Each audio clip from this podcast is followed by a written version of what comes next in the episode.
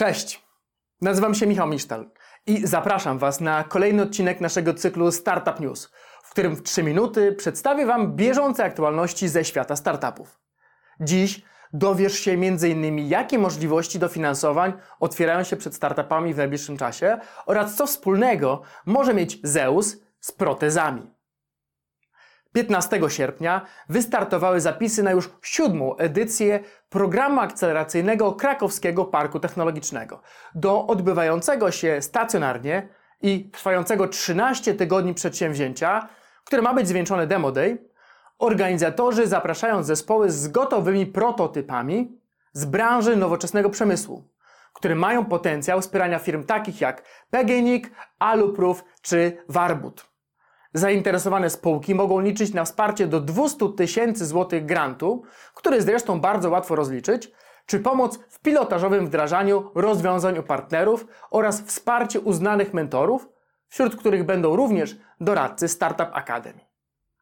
Pisaliście kiedyś projekt unijny? Czasami przypomina to błądzenie w labiryncie przepisów i regulaminów.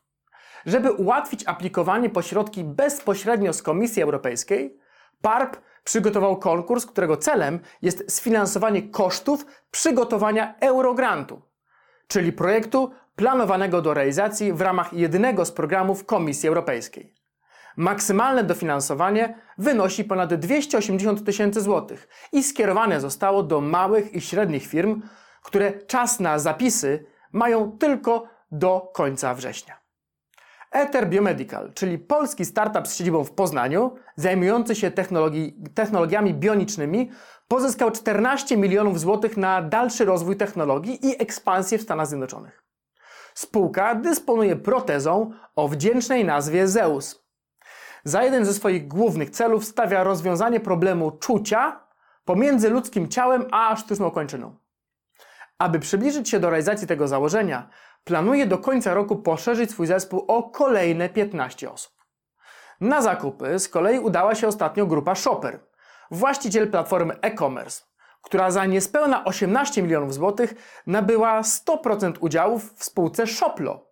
Jak twierdzi, nie zamierza na tym poprzestać. Jest to jeden z elementów głównej strategii, według której zasięg działania firmy w ciągu najbliższych 5 lat ma się poszerzyć do 50 tysięcy obsługiwanych sklepów, a dzięki wspomnianej transakcji powiększono grono klientów o prawie 5 tysięcy firm. Linki do naborów i poszczególnych inicjatyw znajdziecie w komentarzu do naszego filmu.